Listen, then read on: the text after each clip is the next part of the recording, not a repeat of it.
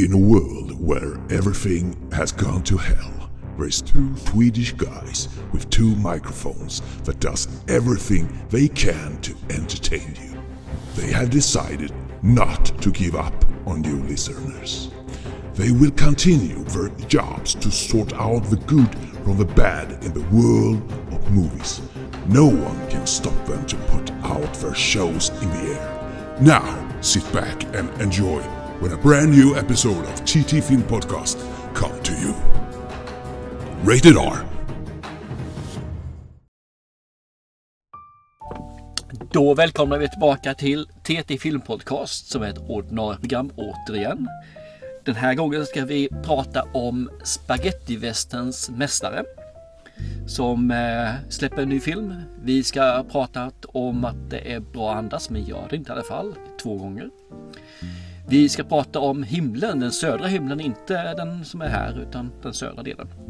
Och vi ska säga det som är den sista duellen, fast det inte är den sista duellen. För den sista duellen kom långt, långt senare än vad den här filmen utspelar sig från. Detta och säkerligen en hel del till kommer vi prata om i programmet som kommer. Så stay tuned. Och som vanligt, välkommen till min kära kollega på andra sidan. Oh, tack, tack, tack, tack, tack. Jag satt nästan och zonade ut här. Eh, men alla det här du berättade om de här filmerna vi ska prata om, det var alltså filmer som inte är vad de är. Så att det är ju, vi ska bara prata om filmer som ljuger idag alltså. Är det så du menar? Ja, det kanske är den röda tråden. Jag har inte ens tänkt på, men det kanske är det, den röda tråden som sagt då. Folk, filmer som ljuger. Ja, kanske. Men innan vi går in på ordinarie då, har du någonting att förtälja i, i din underbara verklighet som är Hellberg? Precis häromdagen så står det ju att filmerna börjar flyttas fram igen. Visst Mhm. är det helt otippat? Jag antar att du syftar på i Mission Impossible. Ja, Mission Impossible nummer 7 och nummer 8. Mm. Alltså den sjunde skulle komma här i september i år men den får stryka på foten och flytta fram till Jag tror det var maj eller juni nästa år Ska den komma och likadant nummer 8 får eh, releasedag 2024 framåt vårkanten Så att Ja. nu flyttas det här igen Det är, jag, jag vet inte var, varför egentligen. Jag antar att det handlar om pengarna jag tänker efter, så det vet jag ju. Den här filmen är ju ett år gammal redan nu. Visst är det så. Vad jag fattar det som så skulle de ju spela in nummer 7 och 8 parallellt. Men jag vet inte tusan om de kunde det i och med att pandemin kom i vägen. Så att, eh, jag tror sjuan är färdig, åttan är nog eventuellt inte påbörjat. Eh, det ska bli spännande att se om Top Gun Maverick kommer här i maj som de har lovat här. Den står ju fortfarande kvar på men med tanke på hur de behandlar de här övriga eh, filmerna så är ju risken att den också får flyttas på. Jag vet inte. Nej, det där är rätt intressant måste jag säga faktiskt. För det, man vet ju aldrig riktigt varför och det kommer väldigt sent också. Så här. Så nu flyttar vi fram och då flyttar vi fram brutalt också. Det är ju inte att det är några månader utan det är ett halvår. Se- Sen är bomben nummer två, det är ju det att Paramount blir av med sin eh, samarbetspartner Skydance, det vill säga Skydance som har producerat Mission Impossible-filmerna. Tror de går över till en liten större lagspelare, om det, om det var Apple eller om det var Amazon, någon av dem i alla fall, har tydligen eh, slutit ett avtal med Skydance och de ska satsa lite mera på eh, streaming som alla andra här nu då. Ja, precis. Eh, Så att Paramount, de blir utan och får hamna ute i kylan där helt plötsligt. Då är ju frågan, de- är det här den sista vi ser av Mission Impossible i den konstellation som är nu? För visst är väl Tom Cruise headhuntad eller signad mot Paramount? Ja, det, hans produktionsbolag är ju Skydance. Så att han eh, gör ju filmer åt Paramount, har gjort tidigare. Så Ah, vi får väl okej. se vad som Mm. händer. Ja, ja, ja, det blir intressant. Det ska bli jättekul att se vad det blir för ah, turer i det här. Just det. Och sen har ju den här serien som du har tjatat om så himla länge som finns på Prime Video som ska ha premiär den 2 september i år. Den har fått sig en namn, alltså Sagan om ringen-serien som ska heta The Rings of Power och ska löpa i nio avsnitt om eh, första säsongen. Och för er som är intresserade så finns en teaser-trailer ute nu. Så att, eh, Just det, blev du sugen? jag vart inte mer sugen, det vart jag faktiskt inte. Men jag, jag är fortfarande sugen, jag är fortfarande pepp på den alltså. Riktigt, riktigt pepp. Så det, det ska bli kul att eh, komma tillbaka till Midgård igen här alltså. Ja, och vad jag förstår så är det ingen av de här tidigare skådespelarna som har figurerat i eh, Sagan om ringen-filmerna som ska vara med utan det är en helt eh, ny rollbesättning. Ja, men det de kan inte så konstigt för den här ska ju tyst vara i, jag tror det är, är det inte andra åldern den här ska utspela sig. Och den vi hade innan Sagan om ringen det var ju som fjärde åldern. Okej, men jag, jag tänker mig att det kanske är vissa karaktärer som har hängt med länge kanske som följer med över till filmerna som figurerar i de här också. Det som skulle kunna följa med är väl i sådana fall Gandalf skulle kunna för han är ju sån där Istuel eller han är för någonting som ska leva tusentals år. Och så har du några alver som skulle kunna följa med också då såklart. Men det är jobbigt när de har blivit äldre i filmen fast de ska vara yngre. Så jag tror att de plockar nog bort allihop alltså. Ja, Ian McKellen kan ju gärna inte gå tillbaka och spela en yngre version av hans Nej, fast han har sagt att han gärna ställer upp. Och det skulle egentligen varit Sean Connery som var eh, Gandalf från början. Det var ju spännande. Det var ju tur att det inte var det ju.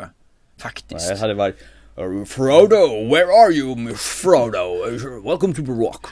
What you think about is, did I send five flashlights or six flashlights? Well, do you think Lanky? Well, do you Orch? You? Nej, det passar inte riktigt. Det där lät ju som Dirty Harry. Ja, men det är ju Dirty. det- Ja, just det, för Clintan. Ja, det är väl ungefär lika gamla fast Clinton lever ju fortfarande. Jag satt och tittade på Clintan-bilden här faktiskt samtidigt som jag skulle dra en John Connery in. Och då blev det en Clintan istället. Det, det blev en kortslutning där. På andra sidan, tror jag. precis. Eh, jag sa inte vad jag tänkte utan jag sa vad jag såg istället. Just det. Ja, ja, för det är faktiskt vår nästa film som vi ska prata om. Men det kommer lite senare efter jag har tjatat färdigt här. Ja. Har du förresten börjat kika på eh, den här spin-offen till eh, Suicide Squad? Han som springer runt med den här toasitsen till hjälm eller vad det Ja, nu är just någonting han det. Peacemaker. Pacemaker, Peacemaker ja, just det. Peacemaker. Peacemaker. okej. Mm. Med han den här wrestlingstjärnan vad nu heter. Ja, nu kvar jättejärnfrysa Eh, så jag kommer inte heller ihåg vad han heter för någonting. Varför det är. Men ja, jag har sett de första tre avsnitten han gjort faktiskt. Det är fyra släppta till dags datum när vi pratar här. Om inte fem är det förresten, fem är det. det, det första avsnittet är lite mm, slow. Så här lite grann, det är trevande på något vis. Det känns som att de inte riktigt är bekväma i karaktärerna och var de ska ta- ta vägen någonstans. Men eh, två och tre tar fart och det är ju ett jävla guldintro på de här filmerna. Det är ju så jävla töntigt, så jävla fult så att det blir helt klockrent. Så eh, jag, jag ser fram emot att bara se introt faktiskt. Det är en av de få gångerna jag ser introt på en serie så är det det här. Ja, jag har faktiskt sett på YouTube eller om det var på någon annan sida. Det är någon jäkla dans i Ja. början i förtexterna. Där det, är, ja, det, det är så... jag tror inte att han kunde bättre, dansa bättre än så här. Så fick de göra det. att, Nej, det är ju en riktig fuldans men låten är ju förbannat bra. Den Ja, fastnar ja. ju som ett tuggummi. Skojar du? Jag har inte ens hört låten. Jag har bara tittat på den. Jag stänger bort allting. Jag känner bara, vad fan är det de gör för någonting och varför? Ja, jag, jag klipper in eh, typ fem sekunder från den här så får du höra. Ja, absolut.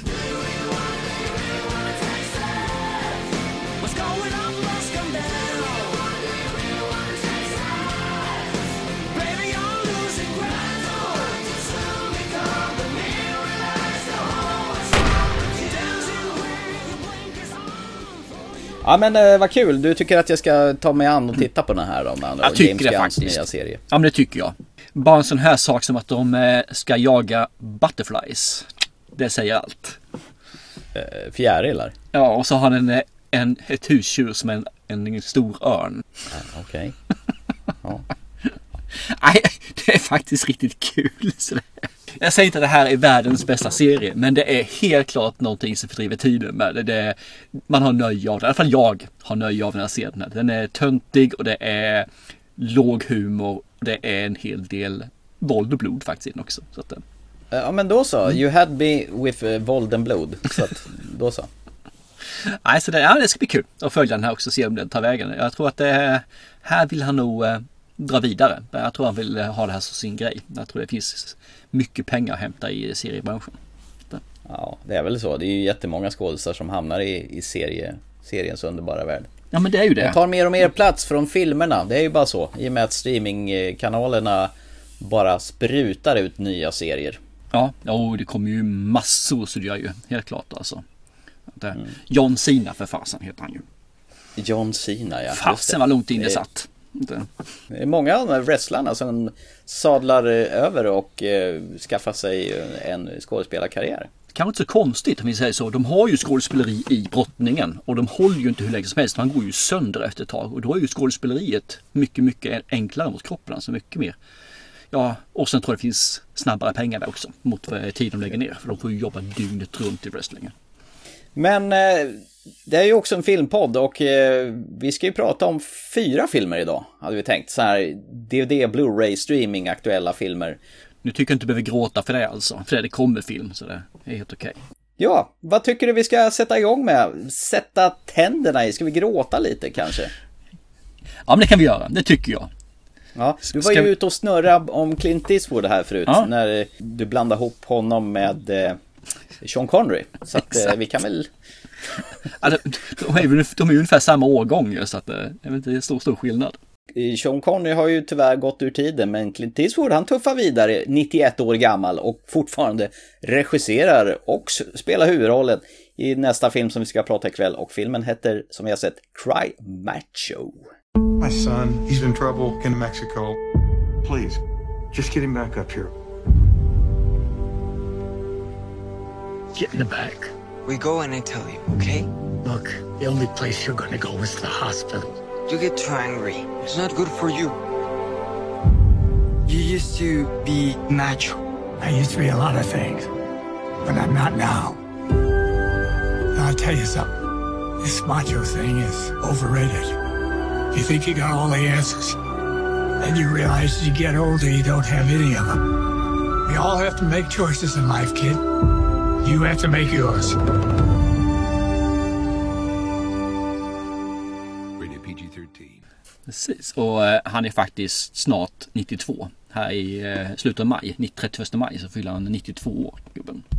Det är ju helt brutalt att eh, karljäkeln fortfarande gör film. Och jag tror, var det inte Gran Torino han sa att det skulle bli hans sista film? Men han har väl gjort en två, tre stycken efteråt. Där. Ja, han, det har han gjort ju. Han har varit med i, vad heter det, Gran Torino, Trouble with the Curve, American Sniper, The Mule, Macho. Och då, då har han i alla fall spelat i två av dem som skådespelare. Ja, med Mule spelar han ju huvudrollen när han håller på och åker runt med knarkpaket och skaffar sig lite extra pengar på äldre dagar. Och det gör han ju i Cry Macho också, spelar huvudrollen som sagt. Ja. Eh, vill du ta den här? Ja, det kan väl göra. Clint Eastwood är väl någon sån här gammal rodeo-gubbe. Ja, lever sitt lilla stilla liv här på ålderns höst. Och eh, han är skyldig sin kompis en tjänst långt tillbaka. Så han eh, får åka ner till eh, Mexiko för att leta reda på den här kompisens son då som är, sitter i klorna vad den här har sagt hos eh, hans mamma som är alkoholiserad. Så han behöver ha hem den här pojken då. Så det blir inte så lätt. Han hittar den här killen och han har med sig en tupp. Och det är den här tuppen som kallas för macho då. På vägen då eh, från Mexiko så försöker väl eh, Clint Eastwoods rollkaraktär då lära den här killen ett och annat då. Mike Milo heter Clint Eastwoods rollkaraktär här. Eh, Och allt är väl inte riktigt som det verkar egentligen här, men det är väl all, aldrig i sådana här filmer. Eh, Ja, det är väl så enkelt. Han ska åka ner till eh, Mexiko, sno med sig den här sonen och köra hem honom till pappan då. Eh, Det är inte mer komplicerat än så väl? Nej. Och som en fotnot kan vi nämna att den här tuppen faktiskt skådespelas av 11 tuppar. Så det Eh, bara faktiskt det. Bra jobbat där måste jag säga av de här tupparna. det. Det framgick inte varför det behövdes 11 stycken tuppar. Men jag antar att det var väl att de red vid nacken av dem. Men varför heter den Cry Macho för egentligen? För den här tuppen är väl jävligt macho? Den gråter väl inte så mycket va? Macho förstår jag, men Cry Macho, jag vet inte var Cry kommer ifrån. Jag förstod aldrig riktigt det i filmen. Inte. Nej, inte jag heller, men det var väl en ganska tuff titel kanske.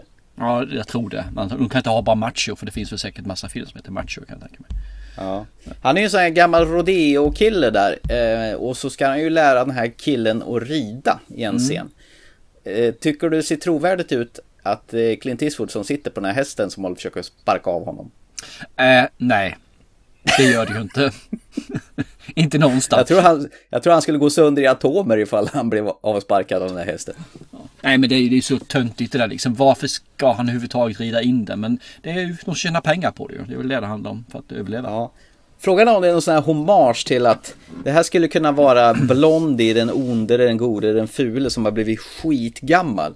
Som Nej, ser, ser nej, tillbaka på sina äventyr där. Och nu, nu är han gammal och nu är det en hommage till hans gamla filmer. Nej, det är det ju inte. Absolut inte. Nej, det är det ju inte. Det här är ju liksom en film som försökt göras sedan 90-talet. Ja, just det. Han var ju på där jättelänge. Ja, det har ju varit andra som försökt göra den här och så här liksom. Så att det är först nu som Clinton tog över och då blev det ju av. Så Mm. att eh, nej, det här är ingen hommage. Det är ju någonting han har tagit nu. Så han, jag tror tyvärr att Clinton tar vad heter det, manus som det finns en gammal gubbe i så att han kan skådespela. Det är hans grej liksom. Det som jag tycker är lite äckligt är, det är ju det att det är vid två tillfällen, det är ju två kvinnor som figurerar i det här. Dels är det ju mamman då till den här sonen då, som på något sätt försöker förföra honom när han är där och ska hämta upp den här killen då. Inte så trovärdigt att hon skulle gå igång på eh, likstels eh, mumifierade Clint Eastwood va? Eh, Vad kallas det när man är, nu ska vi se här, man är ju pedofil med unga. Om det ska vara Clinton håller på så är det en nekrofil va? Ja, det måste det väl bli. Om man, om man gillar att ha sex med dö, döda lik. Ja, för det är ju ungefär så han ser ut i den här filmen. Alltså, han är ju eh, verkligen livlös och han går ju som han hjärtat har stannat för tre veckor sedan. Ja, men det ser ju ut som likstelheten har slagit i det redan. Ja, det gör det faktiskt. Så här munnen är öppen och du vet tänd, han visar sina tänder och, och kinderna är alls insjunkna och när han pratar så låter han nästan som en, du vet på den här gamla westernfilmerna när det blåser lite grann så kommer det en sån här vindpust och de här bollarna som far över prärien där och då låter det lite grann det är ungefär när han pratar. Vi kan ju säga med en gång att det här är ju den, faktiskt den bästa filmen med Clint Eastwood jag har sett i år. Det här är också samtidigt den sämsta Clint Eastwood-film jag har sett i år. By far. Och jag tror det är den sämsta jag sett de senaste två decennierna. Så att, Ja, eh, problemet med den här filmen är, ja, det största problemet med den här filmen, vi säger så istället då, är ju Clint Eastwood. Han är ett stort fett problem. För han kan inte skådespela längre. Han klarar inte Nej. av det. Han är för gammal, han är för mumifierad, han är för stofilig. Liksom. Det, det går inte. Han klarar inte av det. Däremot är han ju fortfarande en hyfsad regis- regissör. Det ska man inte säga något annat. Men för hur han filmar och sånt så är det ju det. Men han gör inget nytt. Han gör ju samma, samma, samma, samma. Och fine, det kan jag köpa liksom. Men varför ska han skådespela själv? Han är ju urkass på det nu alltså som 92 år snart här. Det funkar ju inte. Jag såg den tillsammans med min kära sambo. Och Ja. hon sa efter bara några minuter så Det här är skitdåligt. Varför måste vi se den här? Ja, sa jag det för vi ska prata om den i podden. Jaha, sa hon? Jag går härifrån. Och så gick hon. Och så kom hon tillbaka. Varför kom du tillbaka? Jag vet inte men nej, det är skitdåligt. Så gick hon igen. Så hon gick som en jojo fram och tillbaka. För hon, på något vis så drog den sig till henne för den var ju så här horribelt Ja, om man säger så, det finns, såna här, det finns riktigt, riktigt skämskudde som man knappt kan vara med i rummet. Men man kommer ändå tillbaka och ser vad händer nu. Och det här var ungefär samma sak alltså för henne. Det här var en skämskudde hon tyckte var så dåligt men hon kom i alla fall tillbaka för det, det finns fanns en appeal i att den var så dålig. Den kan, kunde ju inte vara så dålig egentligen men jo, det var den. Och jag kan inte hålla med henne. Det här är fan ta med en av de sämsta Clint Eastwood-filmer han har regisserat. Jag har inte sett The Mule så jag kan inte säga något om det men det här är så jävla dåligt. Så hade här gjort förra året så hade det kommit på första, andra och tredje plats i svenska filmer. Men den här sonen han ska ki- eller kidnappa eller på sig, eller köra hem till sin farsa då. Han är ju också så här horribelt jävla dålig, den här mexikanska killen som jag nu inte kommer på vad han hette. När han säger sina re- repliker, det låter ungefär som att han, han gör det ungefär som det här är det sista han gör. Det ska, det ska låta så dramatiskt i varenda replik han trycker ur sig liksom. Ja, men inte bara det. Han läser ju till samtidigt. Ja, han läser till och det ska låta dramatiskt och det är så horribelt dåligt också. Och sen köper jag inte att den här farsan som vill ha hem honom, som är nästan lika ga- gammal som Clint Eastwood, att han skulle vara pappa till den här sonen. Precis. Ungefär som att Clint Eastwood tagit med sig sin ålderdomskompis här. "Ö, Du kan få vara med i en film också. Han har ännu större hatt än vad Clinton har som sticker ner och, och döljer hela ansiktet där. Det måste göras för han är... Ja, han är ännu sämre som sagt. Jag vet inte, fy fasen det är horribelt dåligt. Alltså jag, jag blev bara irriterad och arg att han fortfarande får göra film med sånt här uselt resultat alltså. Det är ju... Visst är, visst är det fint också när, han, när de är kvar i den här, de blir kvar i den här äh, lilla staden och han blir betuttad i den här äh, de som bjussar honom på mat och han sitter och somnar till på hennes fik där. Helt plötsligt, då är, han, då är han ju stadens jävla veterinär och kan bota de här djuren genom att bara klappa på dem så här. "Ja, Den här katten ska ligga vid eran fotända, då kommer han må bättre. Han har ju jättefinurliga sätt på att bota alla de här djuren genom att bara peta på dem. Han är ju, han är fan Dr. Dolittle här. Ja, och så har vi The Bad Guy här som finns också ju. Och den personen är ju bara så stereotypisk, typ 70-tal. Töntig, dålig och klumpig. Jag säger det, den bästa hela filmen är tuppen. Ja, jag, jag tänkte på det här. Det är fan den bästa skådespelaren i, i, i den här filmen. Det är de här elva tupparna som... Ja. De spelar brallorna av både Clint Eastwood och eh, den här ja, mexikanska killen ju. Ja, ja fy fan vad irriterad jag blev på det här. Usch, det här är så jävla dåligt alltså så jag... Nej! Jag vill inte ens prata om det. Jag vill bara gå vidare alltså. Så säg vad du vill säga. Det här rekommenderar inte jag till någon. Den här filmen borde raderas ur filmhistorien eller sättas upp som varna exemplar på att så här gör man inte film. Gör du film så här så hänger vi upp dig i stortårna och piskar dig med maskrosblad till du blöder. Sen, kopierar han väl lite grann från den här Gran Torino där att han är en sur gubbe och så har han en liten son där. Och, och i början så är de så här avigt inställda till varandra och sen längs vägen då, då säger till och med Clintan till honom bara oh, you're growing on me kid. Så här, för att det ska vara det här klassiska. Men har inte han varit den hela tiden? Grand Torino sig, var han inte likadan i Mule också? Så du berättade för mig i alla fall. Mm, Han är ja. likadan i Million Dollar Baby från 2008. Eller säger jag 2004. Sen, blev jag li, lite snopen faktiskt på slutet här med tanke på vad som händer genom, genom hela filmen och vad de får reda på när farsan där så slutar den väldigt jävla knepigt där utan ja, ibland blir det inte som man har tänkt sig så att ja ja och sen står det directed by Clint Eastwood bara, jaha. Och sen och så kommer det någon jävla äcklig countrylåt i eftertexterna man känner så här ja, det här var väldigt mossigt och trött och Ja, det, tempot i den här filmen, den är väl lika långsam som Clint Eastwood rör sig i den här. Ja. Ja, Jag, jag, jag vet att folk håller Grand Torino som en jättebra film. Alltså jag, jag, jag tycker att den är duglig som film. Men en riktigt bra film, den senaste han gjorde är ju Million Dollar Baby. Det är den sista riktigt bra filmen han gjorde enligt mig. Och det är 2004. Det är alltså snart 20 år sedan. Det, det är lite spännande att när man går in på IMDB och kollar eh, alltså, vad folk tycker om det så är det rätt många som tycker att det här var rätt fint ändå. Ja, men det, det man märker av de som tycker att det är fint är ju de här som är Clintan frälsta. Som verkligen älskar allt som Clintan... Ofta skriver de det. Jag älskar allt som Clintan gör och han gör det här också. Så att, det- Men tittar man på IMDB så ligger det på 5,7. Så det, gör, så det är ju en jättehögt betyg i alla fall. Trots att han har den här gigantiska skaran av fan som sätter 10 av 10 på honom. Jag tror att vi båda är överens om att det här var ju inte så bra och det här är ju faktiskt mitt fel att vi tittar på den här. Den Ja, här för jag, jag sa nej. dyvlade jag på dig. Ja, jag sa nej, nej, snälla inte, nej, nej. Jag tar den i alla fall. Ja. Nej, du behöver inte titta på den, vill bara gör väl det då. Bara Ja, jag är ju att- tvungen för hade jag inte gjort det så hade det kommit ju. Ja, Du tittar inte på filmen. Du tittar inte på filmen vi har. Nej, nej, nej, nej. Nej, stark öppning i, i podden här. Ja, nej eh, fy fasen alltså. Usch. And the hard times could be rocky, but it was better than being alone. I guess it's never, never too late to find a new home. Find a new Ah, ja. vi, vi dumpar ner den här i toaletten och så går vi vidare till eh, nästa film. Eh, vi håller andan och ser vad den här blinde fan Stephen Lang gör i Don't Breathe 2. I get to go to town today, right?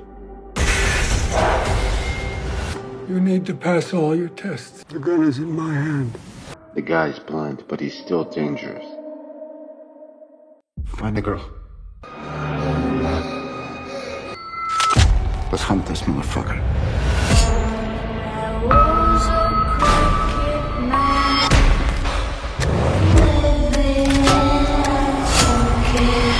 It's not me you need to be scared of, little girl. The man standing next to you. I don't know who he is, but I know who he's not.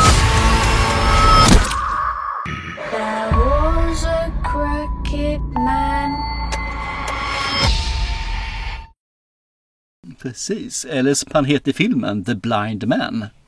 Heter den så? Han heter alltså The Blind Man i filmen. Han har namn, om tittar på IMDB vad karaktären heter, Steve Langs karaktär, så heter han The Bli- The Blind Man. Ja, Och- fast och han har han i- faktiskt ett namn. Ja, ja, har han. Han heter Norman Nordstrom heter han egentligen. Just det, men det har man nog, jag vet inte fan om man hör det någonsin överhuvudtaget. Eh, jo, det gör man i, någon gång i filmen faktiskt. I första vet jag inte om man gör det, men här i andra gör man det. Det finns någon som pre- presenterar en sån där. Ja. Jag har för mig att du inte var så jävla såld på eh, första Don't Breathe. Vi såg den på någon skräckfilmskväll här Mm. för några år sedan. Ja, ja, den kom ju 2016 så det är rätt så många år sedan som sagt. Va? Exakt, när de här uh, unga killarna ska råna den här blinda gubben och det ska bli jätteenkelt och de får ganska mycket motstånd av den här äckliga gamla militären som numera är blind. Precis, nej jag tyckte inte den var eh, riktigt lysande. Det fanns ju en kul vändning där i slutet som var lite så här what the fuck grej liksom. Men eh, jag blir, nej, nej. Jag tyckte inte om den alls faktiskt så. Det, I helheten var inte någon vidare för mig. Nej. Idioter. Då, och jag hade för mig att de hade ihjäl honom på slutet men det hade de ju uppenbarligen inte i och med att det kommer en tvåa här och han spelar samma karaktär och eh, ja, vad, vad får vi i nummer två då? Just det, för det känns som att den faktiskt skulle ta vid precis där den andra slutade. Men det hade jag ju fel i. För jag tror, när jag såg första, ja den tar vid när den andra slutade. Men det gjorde den definitivt inte. Eh, vi får följa The Blind Man här egentligen. Han bor i ett nytt hus och har en eh, dotter. Som han lär upp i allehanda, ja vad ska man säga, färdigheter. Som sagt var. Och hon ska kunna saker och ting, hon ska överleva. Och det är liksom en, det är en tuff värld där ute. Det är vid ett tillfälle som hon frågar liksom, är Gud ond? För han har sagt så här, ta vara på det du har för annars tar Gud ifrån dig. Och då säger hon, är Gud ond? Nej, God is just, is just, säger han då. Man får ta hand om sig själv lite. God, bra dräng ta hand om sig själv, eller vad var det för något man heter? Någonting sånt. Ja, i alla fall, där har vi det här. Och samtidigt så vill hon ju slå sig fri för hon vill ju inte bo där huset ensam. Det räcker ju inte. Så hon får ju följa med någon ut i stan och ja, leka lite grann på avsides bland barnen. Hon är ute där så ofta. Ja. Och sen så eh, presenteras ju några personer, Home Invasion personer kan man säga, va? som eh, ska gå in i hans hem. Fast den här gången får vi då följa från hans point of view, han och flickans point of view istället för, vad heter det, de som bryter sig in. Så nu är han helt plötsligt, ja ska man säga ur filmens perspektiv blev han the good guy nu då som försvarar sig mot Home Invasion. I förra filmen så var han ju the bad guy som attackerade dem som gjorde Home Invasion på något konstigt sätt. Så det är väl det som är twisten. Åtminstone till en början kan man säga. Det är lite svårt att köpa tycker jag med tanke på att han var så regelrätt vidrig i förra filmen att man i den här filmen ska sitta och hålla på honom helt plötsligt. Men jag, jag, jag sa till mig själv när jag började titta på den här filmen. Det är att det här är inte en uppföljare. Det är bara namnet för du vill behålla karaktären. Du tyckte det var en cool karaktär. Det var en cool premiss. Och sen så glider man på vågen för att Don't 1 har funnits då. Jättebra, då får man med alla som såg ettan se tvåan. Hahaha. Men det är en helt annan karaktär egentligen. Det här är en standalone film Utan Fast tvekan. själva det visuella är nog lite grann samma som i den förra filmen med de här Absolut. kameraåkningarna genom huset där och samma sätt där det smygs runt och kryper i gångar och bakom väggar och sådana här saker. Där har de ju liksom plockat över Oh ja, de filmen. har ju tagit mycket från eh, ettan. för ettan har de gjort alltså. Det ska inte säga något sånt. Men jag menar på att man kan nog inte se det som uppföljare för då blir man nog jätte, jättebesviken. Den här lilla unga tjejen, Mm. Phoenix som hon kallas där, som spelas av Madeleine Grace, hon får ju utstå ganska mycket där. Det är ingen eh, snäll värld de målar upp för hennes del. Dels den här eh, The Blind Man som har uppfostrat henne där och sen på utsidan de här som vill åt henne, som inte heller är speciellt trevliga. Så det, det är två sidor av två elaka mynt. Mm. Stämmer. Och vilket av de här egentligen är det goda myntet då? Det får vi kanske veta i slutet. Eller är båda elaka? Vem vet? Vem Exakt. Vet, vem vet? Fast det första jag tänkte på när den här filmen började så får man ju se en sån här överflygningsscen där. Det, det är någon sån här tv-reportage där så får man se ett hus som brinner där. Och så ser man en liten tjej som faller ner på knä och slocknar då och sen blir uppburen där. På de här flygfotot som man nu får se, eller drönarfotot där. För det första så ser man ju att huset, det, när det brinner, att det är ju dataanimerade eldslågor. Det bara går sån jäkla inflation i det här att kan man inte sätta e- eld på ett hus på riktigt längre utan man måste ha de här Ja, Jag, jag, jag köper det faktiskt, absolut. Med tanke på den värld vi lever i idag. Varför ska vi sätta eld på ett hus och sprida ut en jäkla massa eh, ohyra i luften när vi kan göra det här digitalt istället? Ja, jag, jag köper det. Okej, okej. Men varför måste tjejen då som ramlar ner på gatan också vara dataanimerad som ser ut som en jävla tv-spelsfigur? Det stör jag mig ännu mer på. Så jag var tvungen att backa och titta en gång till. Jajamän, det där är ingen riktig tjej. Det där är liksom en pixlad tv-spelsgubbe. Och sen i nästa faktiskt. klipp när man får sin närbild, då är det en riktig tjej som ligger där. Ja, det Det där störde jag mig riktigt ir- ir- irriterande på. Ja, okej. Nej, som sagt Ja. var ingenting som berörde mig. Sådana saker som flyger i huvudet på mig. Okej, ja det gjorde inte på mig i alla fall. Med tanke på att det var, var 6-7 olika filmstudios innan filmen kunde komma igång. Så att eh, den var, nog inte helt gratis att spela in då med tanke på att det var rätt många produktionsbolag. Nej, men det tror jag inte spelar någon roll. Utan det är nog mer att en hög risk. Och att man då eh, därav gör det. Ja. Men då kan du göra snyggare effekter och så det ser ut som det brinner på riktigt. Så det inte ser ut som eh, The Sims när huset brinner. Nej, men de har ju inte bättre budget bara för att det är fler produktionsbolag. Ja men då, de är väl med allihopa och skjuter in pengar. Här är Ja. lite pengar här, lite pengar där. Det blir många bäckar små. Ja, och det blir inte mer än vad de får från början. De får x antal miljoner. Bara för att det är sju så är det bara att de pytsar in lite mindre pengar på. Så att, eh, nej, det- och sen så ska man säga så här. Eld är ju bland det svåraste du kan animera alltså. För det, det är ju ett Mm. levande väsen. Det är så nära levande väsen du kan komma som inte har, som är kaos. Så det blir jättesvårt att få det för Så ska du då, är ju i materialet. Det är jättesvårt att få det på bra sätt. Så eh, jag köper mångt och mycket när eld inte blir helt hundra alltså. Det gör. Du, du tycker jag stör mig på petitesser alltså? Du stör på petitesser som jag inte stör mig på. Okej. Så ja. var jag lite diplomatisk där.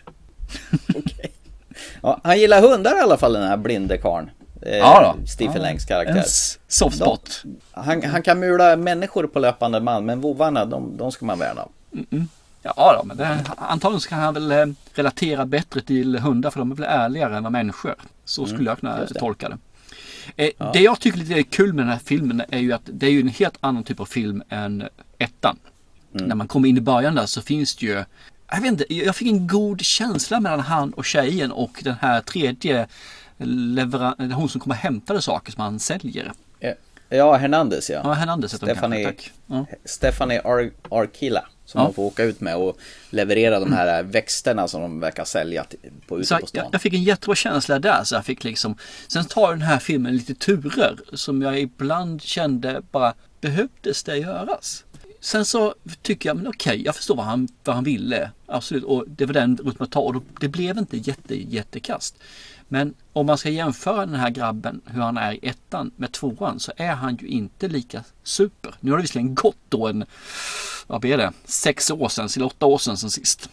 Så att visst, han har blivit äldre, så han ska kanske inte vara lika super som han är då, som han var i, etta, i första filmen.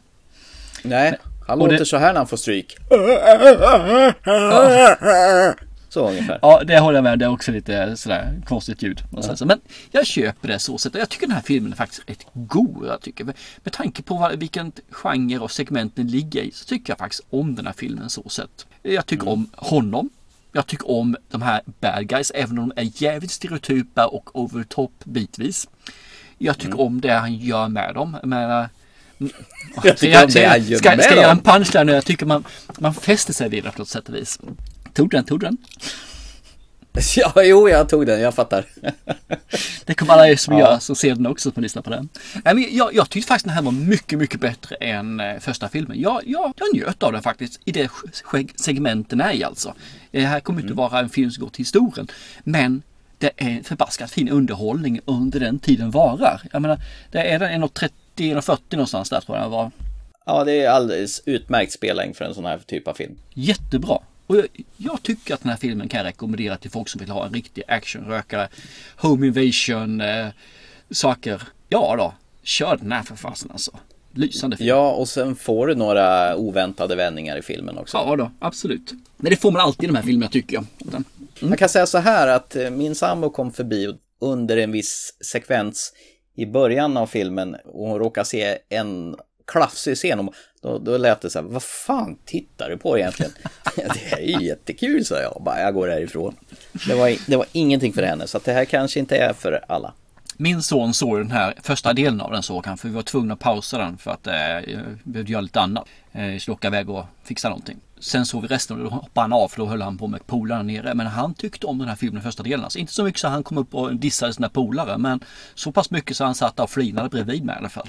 Kan inte dissa den här filmen någonstans. Jag tyckte den här var Ja. underhållande och värt allt. Jag tycker, se den alltså om ni tycker om den här typen av film. Lite splatter, lite action, home invasion och en blind eh, kille som eh, dunkar på folk. Ja, Stephen Lang, eller som han vill bli kallad av sina kamrater, Slang.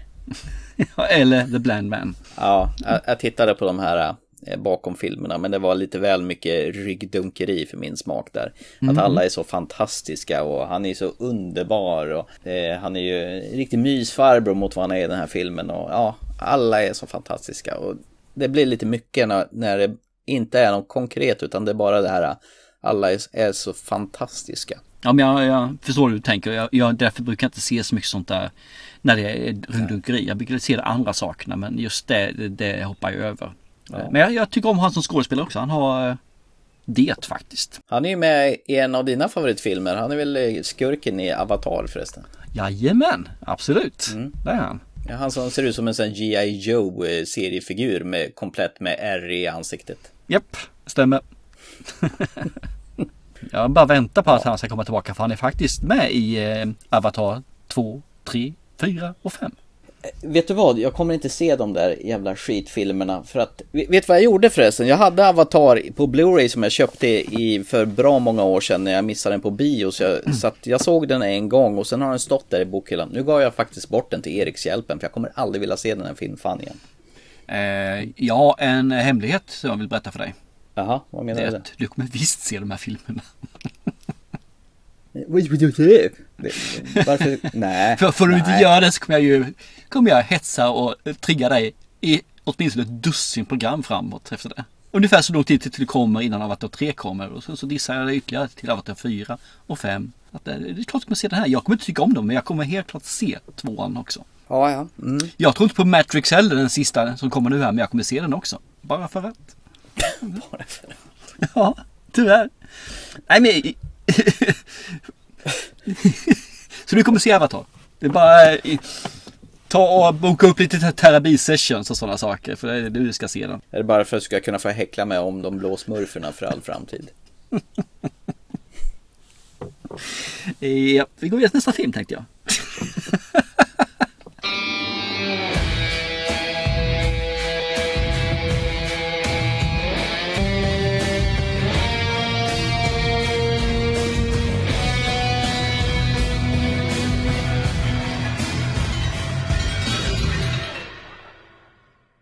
Eh, nästa film eh, som ligger på agendan, det är en action, det är en crime, det är drama och det är Aaron Kesselas som har regisserat filmen. Vi ser i huvudrollen Jason Sudeikis som brukar vara en sån där riktig humorkille men här talar de om en karaktär som heter Jimmy Ray i filmen South of Heaven. You're currently serving a 15 year sentence for armed robbery. Yes, ma'am. My one true love, Annie. Doctors gave her a year.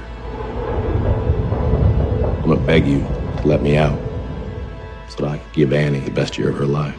I'm so sorry. Mm-hmm. I know. Rains, is it? Right. Jimmy Ray. 15 years for picking her own kind of friends. More or less, yeah. Why don't we make that more or less, sir? Yes, sir. An honest man like yourself shouldn't have to fight so hard to make ends meet. Oh, Jimmy, you're a very, very lucky man. We both are. My courier was carrying a half a million dollars and he never made it home. So if you ever want to share another dance with your lovely woman here, you better come up with my 500 grand. You have no idea what you're getting yourself into. You have pushed a desperate man a little too far here. Temper, temper. I'll be damned. We're gonna spend our last year together running around looking over our shoulders all the time. This ends now.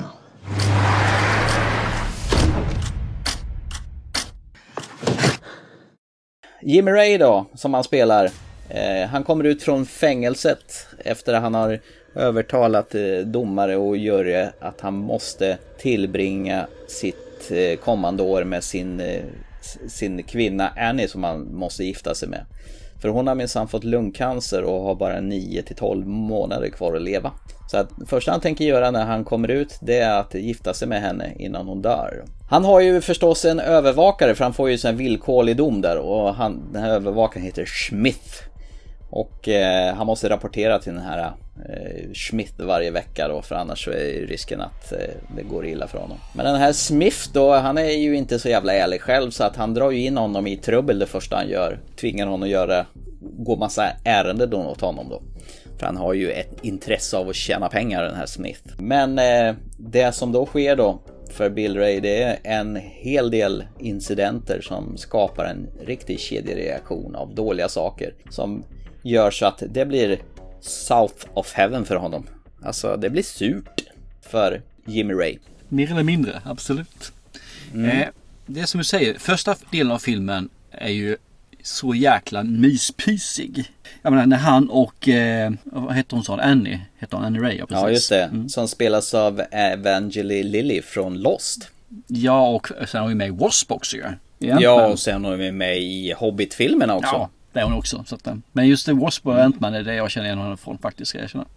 Just den delen där, liksom, de kommer in och det är så jäkla awkward. Det är så, så här riktigt stelt för de har ju inte sett varandra på 12 år. Alltså, ja, in flesh om vi säger så. För de har, hon har ju besökt honom i fängelse såklart. De vet inte riktigt vad ska vi göra nu? Hur ska jag bete mig? Han vet ju knappt hur han ska bete sig bara för att han har varit inburad liksom i decennier.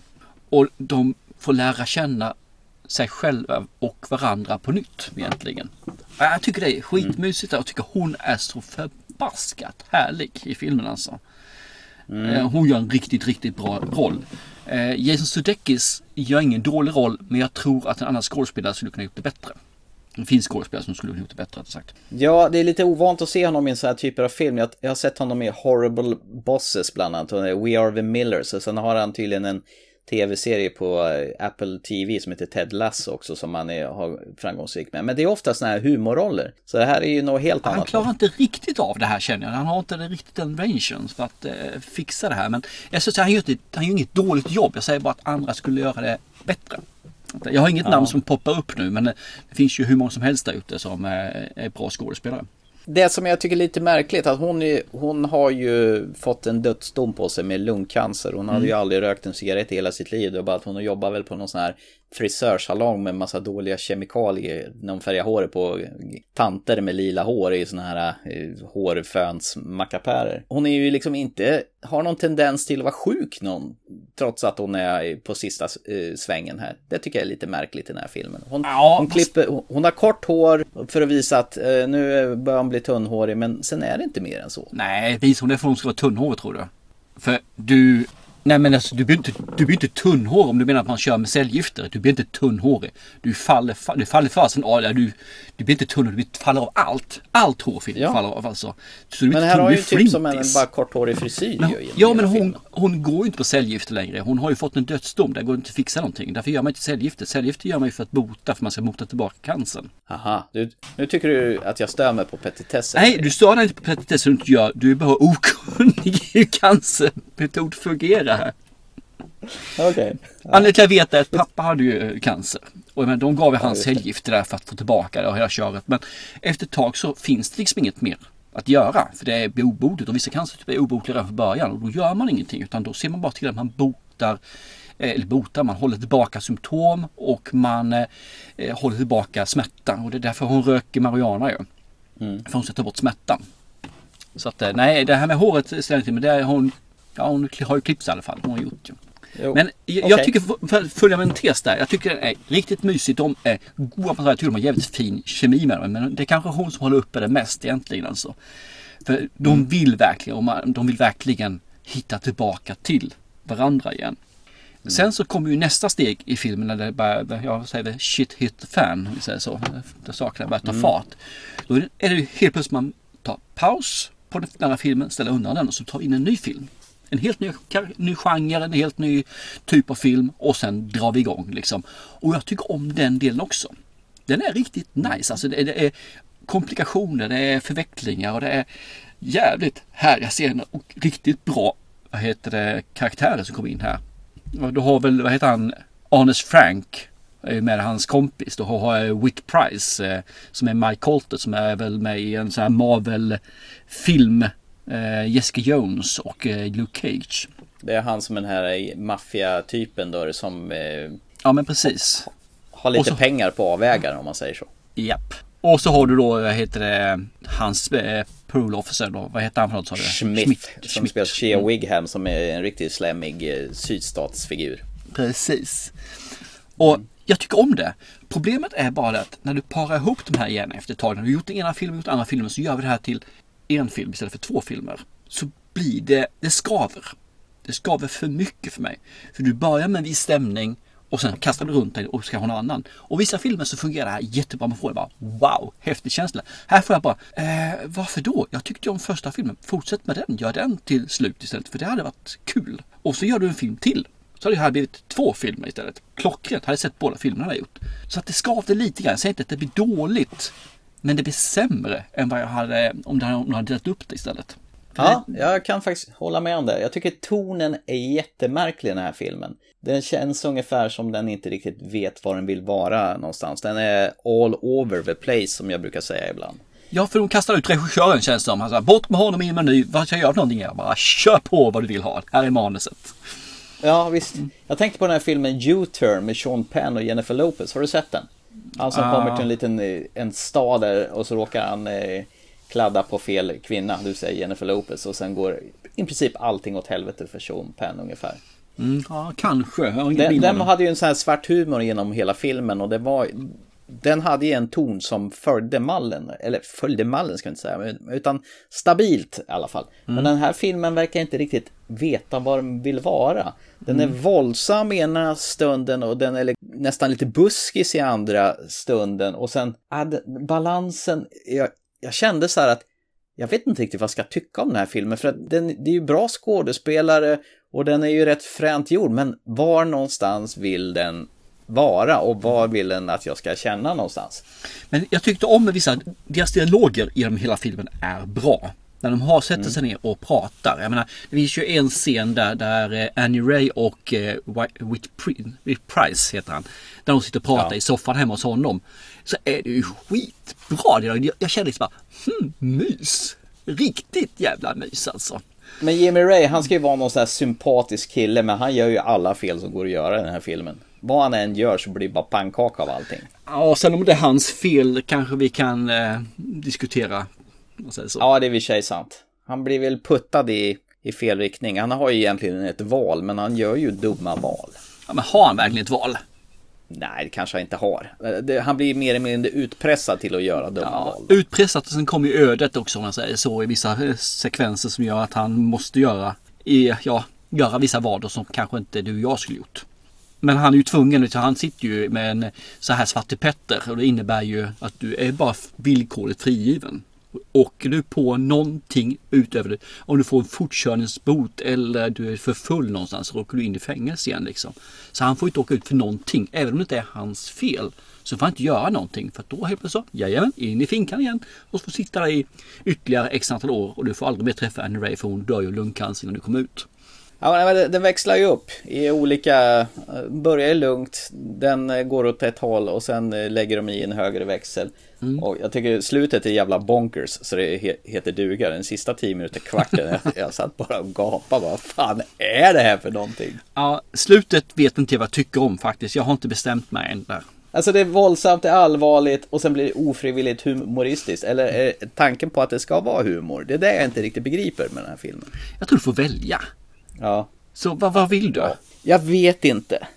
Jag, det är det jag inte kan bestämma mig för. Om man tittar på det så står det på IMDB action, crime, drama. Det står ingenting om comedy. Så ta det som allvar. Ja, ja men då, då blir det inget bra i mina ögon faktiskt. Jag, eh, det, jag menar, det, det är ju fan buskis mellan varven här. Ja, men det, det finns vissa humor, det gör det alltså, helt klart. Och jag tror inte man kommer undan det när man kastar in en person som faktiskt sitter där och har ju gjort, alltså han har gjort sin karriär i eh, Saturday Night Show. Man har ju varit med rätt så mycket i det, den, den serien ju. Ja, det, är, ju- det är ju en scen i den här filmen där, som eh, den här gangsterbossens son som, som råkar ut för en jävla tokgrej. Och det, det blir bara, vad fan händer nu? det blir ju så här, jaha, okej, jaha. Men den, den tycker jag var rätt skön faktiskt. Ja, det tyckte jag. Ja. Men det, det tar ju också en jävla märklig vändning. Ja, ja men det gör det. det. Det kastas hit och dit med allting som händer och det är mycket förvecklingar. Och jag, summa summarum, jag tycker om den här filmen. Jag tycker bara att man kunde gjort den bättre. Jag hade haft för ha en... Jag visste inte mycket om den här filmen överhuvudtaget. Jag tror jag hade sett eh, någon trailer-ish, men den avslöjade inte jättemycket. Om man nu ens har sett någon så är jag osäker. Så. Men jag tyckte, jag trodde jag skulle få det här faktiskt lite mer dramaktigt. Att det skulle vara just deras sista tid. Att det sen blir lite förvecklingar, det blir lite svårighet längs med vägen. Absolut, men att det ändå blir någonting man får följa dem och hennes sjukdom. Sen när det inte blev det så blir man lite bara wow, okej. Så jag tror det är bra att veta när man går in och ser sättet på play på den här filmen. Det är liksom att den börjar på ett sätt och slutar på ett helt annat sätt. Det är två, en schizofren film kan vi säga. Sen måste man ge han killen Schmidt då, som är hans parole officer. Han är ju helt grym på att plocka upp sådana där äh, gosedjur i, i sådana här automater. Du vet, du står på Liseberg och har den här kroken som du, du stoppar ner en, en tia där i. Så får du styra en krok bland alla de här gosedjuren. Sen när du, när du tycker att du prickar rätt så ska du sänka ner den och greppa upp ett sånt där gosedjur. Mm. Och han lyckas ju med det här.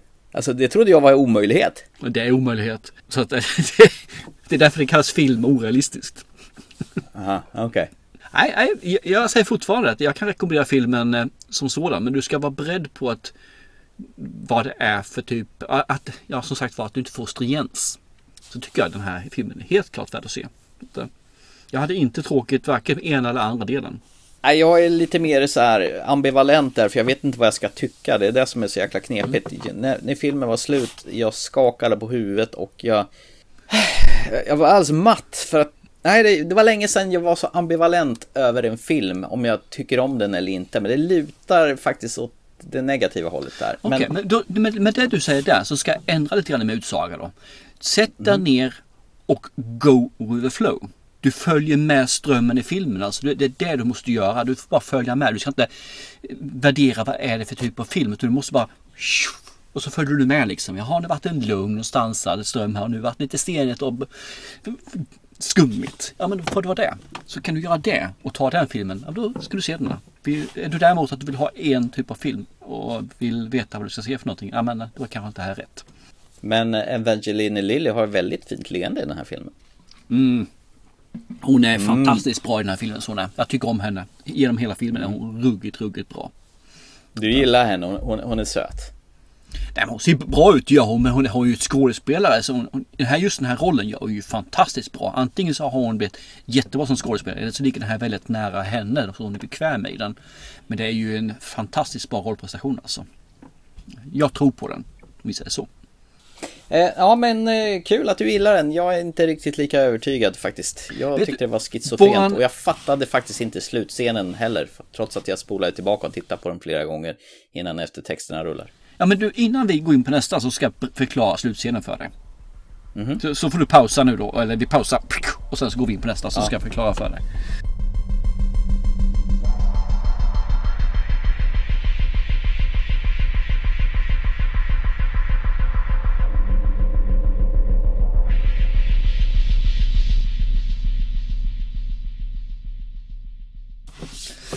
Ja, nu är vi tillbaka och nu vet Hellberg hur eh, det, det slutade och vad det betydde. Vad bra!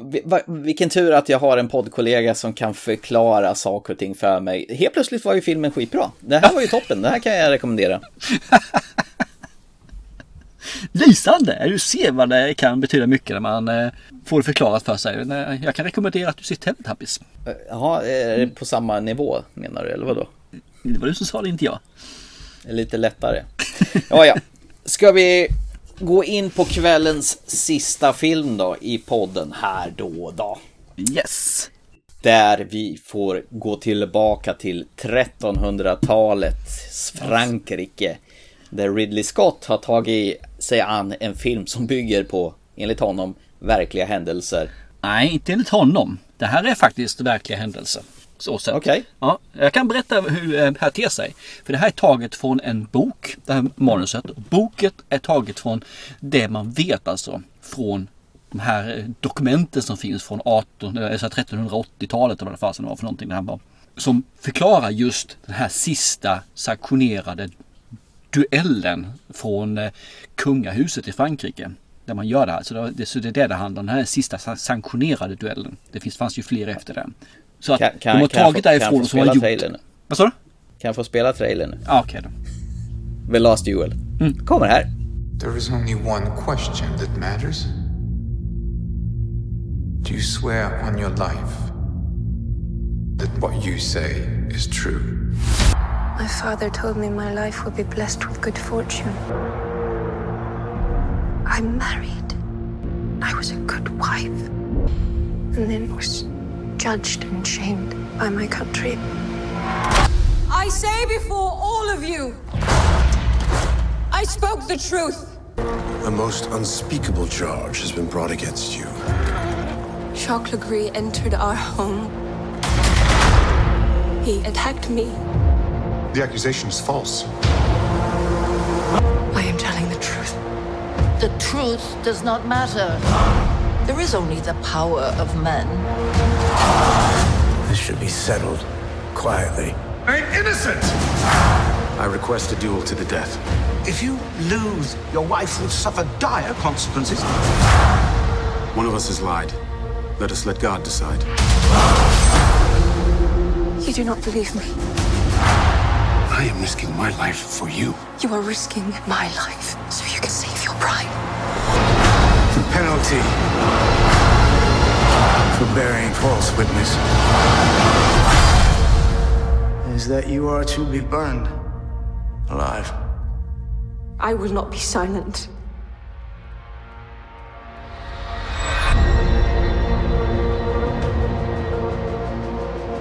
Så, nu kan du få fortsätta istörra. Sorry, fan vad du är bitsk idag. Jo, så det här är alltså, det bygger på samma sanna dokument som man har kunnat leta rätt på. Och så har man ju givetvis broderat ut det på det viset som man gjort. Men allting mer eller mindre i, i storyn stämmer överens med den verklighet som finns. Faktiskt, eller som fanns då. Vad, vad engagerad du är. För Ja. med tanke på att när jag presenterade att det var film nummer två i podden som jag tvingade på dig, The Last Duel, som du från början inte ville se och fick se den i alla fall. Då kan ju du bara, varsågod, förklara vad det här är för någonting då. Nej, nej, det kan jag väl göra. absolut. Jag vill bara ta en sak till. Det här är bara en sån här jätte, jättekul grej. Det är som jag Ja. sa, att det här var alltså den sista sanktionerade duellen som gjordes av eh, staten. Kan du tänka dig var den sista rikt, äh, riktiga duellen, den sista svärdsduellen skedde? Vilket årtal i, i Frankrike? Ja, det här Ja. var ju på 1300-talet i alla fall. Menar du att det är jättelångt fram i tiden eller? Det är jättelångt fram i tiden, jag ska säga det. Så tänk långt, långt fram och så kan du dubblera det. Eh, 1940.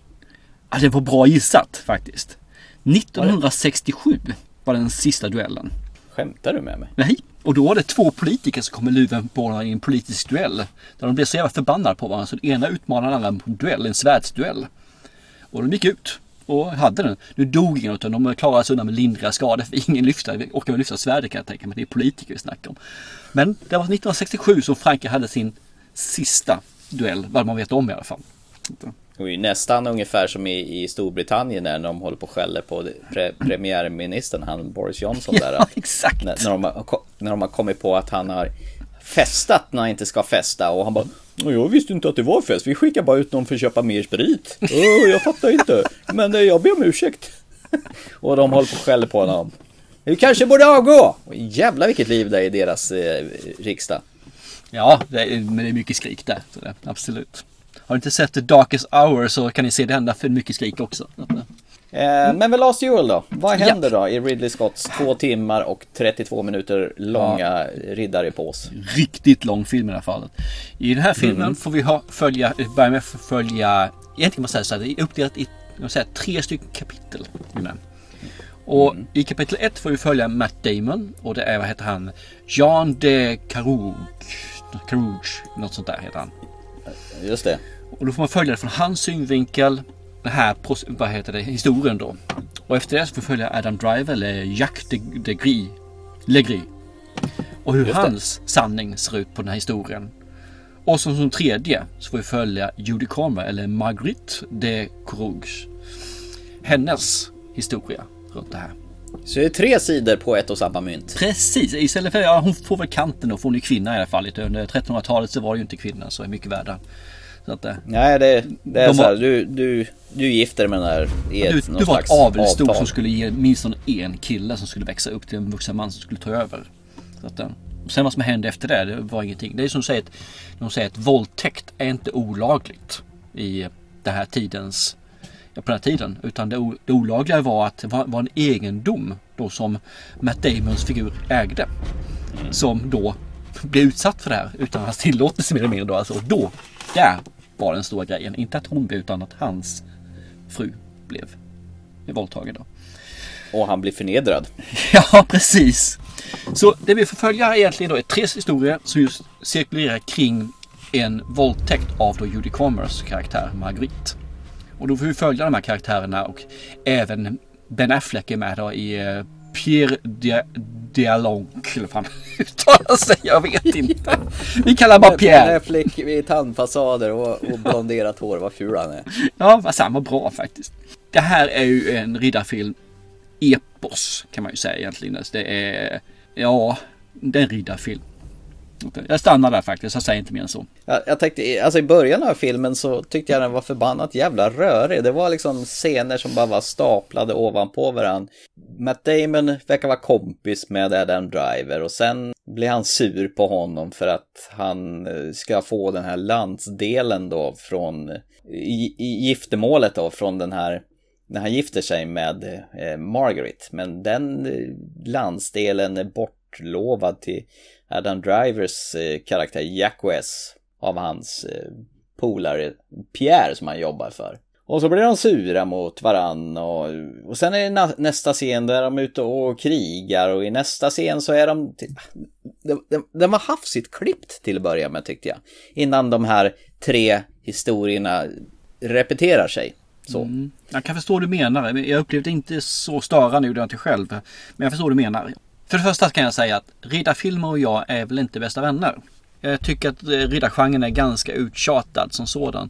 Det man kan säga om den här filmen är ju att jag, jag tycker om det här med kapitlen. Jag tycker verkligen om det här sättet som de framställer när, när man väl kom in i den. För de, han gör ju liksom en lång film där man följer då Matt Damons figur, eh, Jean. Och eh, när man sen får följa Adam Driver så lägger man bara till vissa delar där. Så det blir lite Man kortare. tweakar lite grann. Ja, där. tweakar så man ser det ur hans synvinkel då liksom. Och så lägger man till vissa delar, vissa scener som inte fanns med i första. Men det blir i alla fall kortare tid. Och så kommer Judy Comer, eller Marguerite. Där blir det också en kort del om man säger så. Så jag tycker om i alla fall hur de lyckas bygga upp den. Att det var lite slarvigt och lite giddrigt i början. Ja, det kan uppfattas så. Jag hade in- inga större bekymmer med det så sett. Men jag tycker ändå om klippningen. Sen får man tycka att filmen är ju jävligt snyggt fotad. Man kan ju det här med Kingdom och Heaven och allt fan vad det nu heter. Han har ju gjort så här tidigare. Ja men det har han gjort, absolut. Och han gör det bra. Han gör det riktigt bra. Sen förstår jag ju inte bara, kunde de inte fått ett bättre skägg på Matt Damon än det han hade och bättre frisyr? Åh liksom? gud vad, vad ful han är. Han ser ju ut som någon jävla hillbilly med det, det där fula skägget och han spottfrisyr. jag blir provocerad jag bara ser karljäveln. Ja, det är helt vansinnigt dåligt. Men det var ju Ja. hans fejkskägg också, för han lyckas ju inte odla till något riktigt skägg som de kunde använda. Så de limmade ju fast det här. ja, det kan jag tänka mig. Han kanske har dålig skäggväsk. Ja. Matt Damon. Problemet var ju bara att han fick utslag av limmet. Så de fick liksom sitta där och sätta is på det. Men varje tag fick han sätta is på det för han skulle kunna stå ut det jäkla kliet då från utslagen. Eh, som sådant är, eh, jag har en sån här liten hatkärlek till Adam Driver också ska jag känna. Ja, på något vis så har jag ett problem med honom. Enda, eller den största, den största anledningen till att jag har problem med henne är hans förbaskade rollkaraktär i Kyle Ren, alltså i Star Wars. Ja, men, det, men det här är inte Star Wars. Nej men jag det, det, för tyvärr lever det vidare med lite grann. Sen är han ju förbaskat bra annars alltså. Det är ju, ska man inte säga något annat. Men i Black Clansman liksom, han är ju skitbra så han är där. Han är ju super. Eh, Och han är jättebra skådespelare här också. Så han är. Det är bara att han är ju, eller han, alla män här är ju svin. Rent Eh, ut sagt det, alltså. Svin med stort S ja. Det, Ja. De är så jävla osympatiska så det finns inte. Så när det finns någon som säger att det var bättre för, framförallt från damer och tjejer som sa att det var bättre förr. Så se den här filmen och ni kommer inse att det var inte bättre förr. Det var skit förr. Annars så tycker jag om det här såset. Jag, den jag tycker bäst om är ju Judy Comer. Alltså jag tycker hon är förbaskat nice. Framförallt när man får hennes synvinkel. Den segmentet, kapitel 3, är ju det bästa segmentet i hela filmen alltså. Ja, de har ju sparat det bästa till sist. Ja, absolut. Det är skitbra. Sen så när det blev The Last Duel, den är ganska ointressant och faktiskt slarvigt gjord. Kan hålla med om det. Och ärligt talat så känner jag när de här två killarna drabbar samman att jag skiter i vilket, vad utgången blir egentligen. Ja, precis. Ja, egentligen, det är ju mer för hennes skull. Ja, det, det Damon finns ju vissa saker som Mm. står på spel här, men... Det ja, finns steak mm, där. Så ja. det, det, och det är inget konstigt för det vet, alla som sett trailern vet om vad steaken är så sett alltså. Eh, om han förlorar så kommer det att påverka Marguerite också. Om Matt Damons figur förlorar så kommer det påverka Marguerite negativt. Och det grövsta. Eh, saken är den att man sätter ihop den här filmen i alla dess beståndsdelar. Så har du en Matt Damon som gör ett svin. Vi har Adam Driver som faktiskt gör ett äckel. Vi har Judy Comer som är under två tredjedelar av filmen, mer än det, så är hon intetsägande och sen så briljerar hon. Och så har vi Ben Affleck, de scener han är med är ju eh, från riktigt förbaskat lysande bra till lite parodi på sig själv. Kan man säga. Och så har vi pojkkungen då, Alex eh, Lothar, eller vad heter han för någonting? Ja, han säger King Charles den fjärde. Han gillar när det går illa och när det ska bli såna här brutala, blodiga saker. Då sitter han och myser och flinar åt. Och det jag fått för mig är vad han var. Han var ju lite inbreed kan man väl säga i det här fallet. Han hade Ja. lite problem. Det är väl det som Joffrey i Game of Thrones kanske? Typ fast inte den skärpan som Joffrey ändå hade det här. Utan han var en rätt idiotkung om jag förstod det rätt. Men ja, ja, mm. Ja. Jag är inte så bevandrad så jag kanske har fel. Eh, när man sätter ihop de här delarna så får du en ganska intetsägande och tråkig film. Bra klippt, fina miljöer, jättetrovärdigt bild... fo- Fotot är trovärdigt. Men tråkigt. Fruktansvärt tråkigt och så jävla obehagligt alltså. Just det här med hur man behandlar tjejerna. Jag hade nog hellre sett att ut det här intressantare så jag vill se mer från tjejerna, från deras hustrus sida än vad jag hade, fick se från de här förbannade riddarna som bara gick ut och pratade högt och tåligt om och hur synd det var om dem och hur rätt och färdiga de var. Jag är inte intresserad, far åt helvete med liksom. Gå och döda kriget istället. Så att den här filmen var för mig, om jag ska ta och bara i ett enda ord, lång. Den här filmen är 2.32, den kändes som 5.08. Och de sista åtta minuterna när filmen kändes som åtminstone en halvtimme. Räknar du med eftertexterna då eller? Så. Nej, det var inte eftertexten med överhuvudtaget. Nej, det här är ingen film. Jag vet att det är jättemånga som har hyllat den här, men jag kan inte göra det. Det här är skittråkig film. Och som sagt var, en liten passus där är att jag inte tycker om eh, riddarfilmer så jättemycket. Det finns vissa som är bra faktiskt. Eh, Men in Tights är ju helt fantastisk till exempel. Robin Hood. Men nej, jag kan inte med den här filmen. Alltså den, den är för, det är för mycket dåligt för att den här ska gå hem hos mig. Ja, ska jag dra om vad jag tycker då? Det jag tycker är bra med den här filmen, det var lite uppfriskande att det är samma historia som visas från tre olika personer då. Mm, Eh, det är Matt snyggt. Damons, Adam Drivers och Judy Comers. De kommer i, i ordning. Eh, Sen är det upp till betraktarens ögon och se vems historia som är den sanna. Är är det verkligen det? Menar du Va? verkligen att det finns olika synsätt att se på det, vad som är sant och vad som är riktigt? Ja men de hade ju sin syn på saken. Matt Damon hade ju sin syn på saken. Adam Driver hade sin syn på saken. Och Judy Comer hade sin syn på saken. Och Ben Affleck var snyggt blonderad. Mm. Det som är, gör den här filmen så jävla svår att tycka om det är ju det att både eh, Matt Damon och Adam Driver är ju två jävla assholes som du sa. Som bara är ute och krigar och är äckliga. Nej, Adam Driver är en feg jävel som är på hemmafronten hos han Pierre medan Matt Damon är ute och krigar istället och vill ha pröjs för att han är bra på att kriga. Det är ju faktiskt Matt Damon och Ben Affleck som har producerat den här filmen såg jag efter Mm. texterna. Vad menar vad menar att de skulle ha huvudrollen också båda två från början? Med att Adam Driver gick in sen och tog den ena huvudrollen och han då blev ner, nerpetad tänkte jag säga, men han flyttade ner honom till en biroll istället. Ben Affleck. Jaha, okej. Och det är Ridley Scott som har regisserat där. Och Ridley Scott är numera 85 år. Det är lite spännande att den gamla gubben fortfarande är igång i gamet. Men det, det, det känns lite grann i filmen också faktiskt. Men jag kan säga så här, det här gick inte alls hem hos mig faktiskt. Det, din förkänsla var väl rätt då. då. Mm. Det som var positivt med den här filmen, det är att Jodie Comer var med. Hon är ju ögongodis i den här filmen. Och Ja, jag såg ju henne, det har du också gjort, i den här filmen Free Guy, där hon är den här äh, avataren i den Molotov här Free, Girl. Free World. Molotov Girl, ja. Och sen kom jag ju på att hon är med i den här äh, Killing Eve-serien på HBO som jag har funderat på att titta på. Och jag måste ju faktiskt börja titta på den på grund av det. Så att det, det enda positiva som kom ut av den här filmen, är att jag vill se mer av eh, Jodie Comer. Ja, jag håller med. Det vill jag också göra faktiskt. Och hon var bra. Och det som jag sa, just tredje kapitlet när hon får mer tid att presentera sin karaktär. Är, den är bra den delen alltså. Riktigt bra. Så jag får väl be om ursäkt två gånger idag. Dels för Cry Macho och The Last Duel då. Och sen ja, de två övriga filmerna som vi båda har eh, lyckats eh, välja. De var väl okej. Ja, det var de absolut. Så att det är... Men å andra sidan, du är rätt negativ till filmerna tycker jag.